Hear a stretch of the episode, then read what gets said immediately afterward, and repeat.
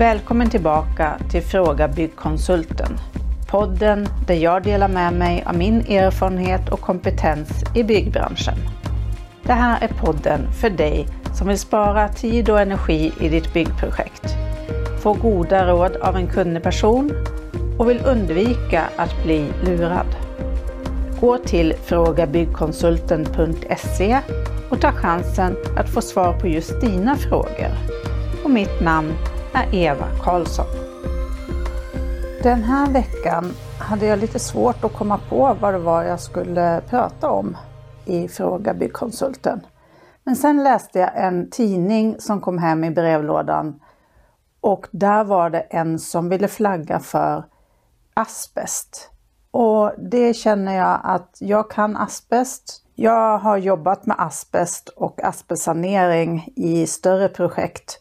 Så jag vet att eh, det är eh, väldigt vanligt förekommande i byggnader i Sverige. Eh, jag tror inte det är så många privatpersoner som känner till om de har asbest i sina hus. Så därför tänkte jag att det kunde vara ett bra ämne i den här podcasten och prata lite asbest. Asbest kan förekomma i äldre byggnader och oftast det som är uppförda före 1979.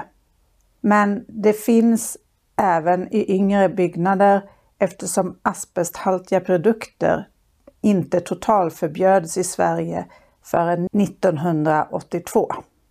Har du ett hus utomlands, till exempel i Europa, så är det bra att veta att där förbjöds inte asbestfibrer i produkter och varor förrän 1 januari 2005. Det är förbjudet med asbest i 60 länder, men tyvärr så använder fortfarande många länder asbest, däribland USA, Kanada, Indien, Kina, Brasilien och Ryssland. Vad är då asbest? Ja, det är ett samlingsnamn på en mineral som finns i naturen och det bryts i bland annat Kanada. Asbest har väldigt bra egenskaper. Det är därför det har varit så populärt i många produkter. Det har en hög mekanisk hållfasthet och smidighet. Det har en hög termisk beständighet som innebär att det tål höga temperaturer. Det har en god ljud och värmeisoleringsförmåga och en hög kemisk beständighet.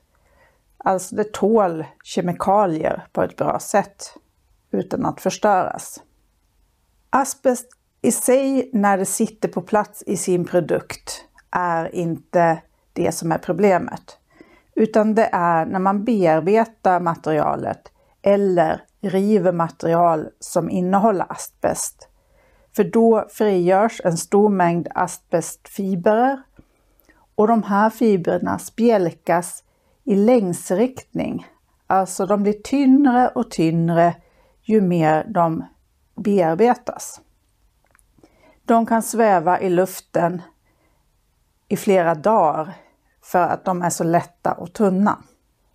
Det som gör det så farligt är att när man andas in asbestfiber så kommer de så långt in i lungan så att det inte går att hosta ut dem.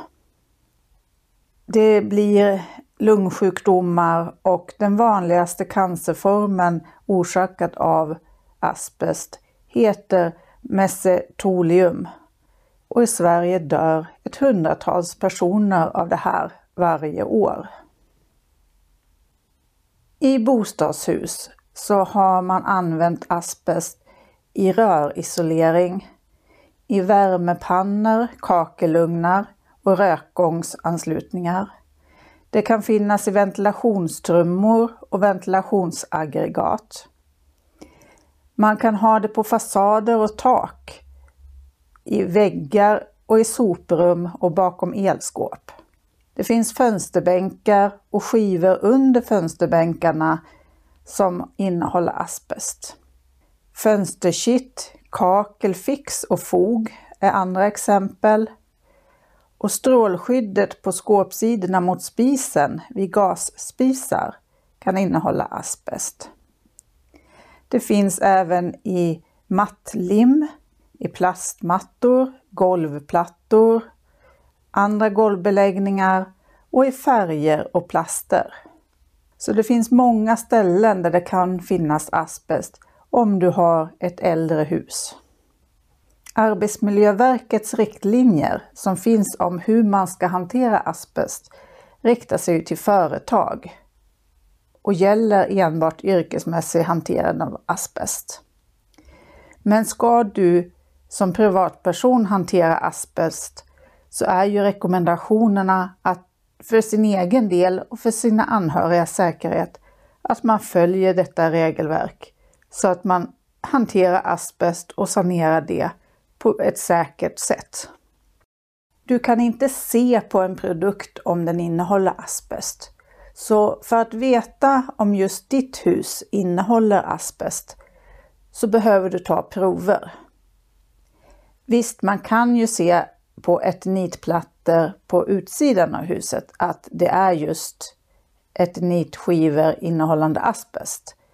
Men i övrigt med kakel, fog och klinker och sådana bitar så måste du ta ett prov för att bedöma om det finns asbest i det.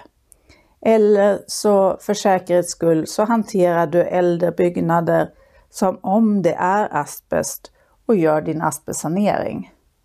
Men då kan det bli en högre kostnad än vad som är nödvändigt om det skulle visa sig att ditt hus inte innehåller asbest. Tyckte du om det du har hört? Tryck tumme upp och skriv en kommentar.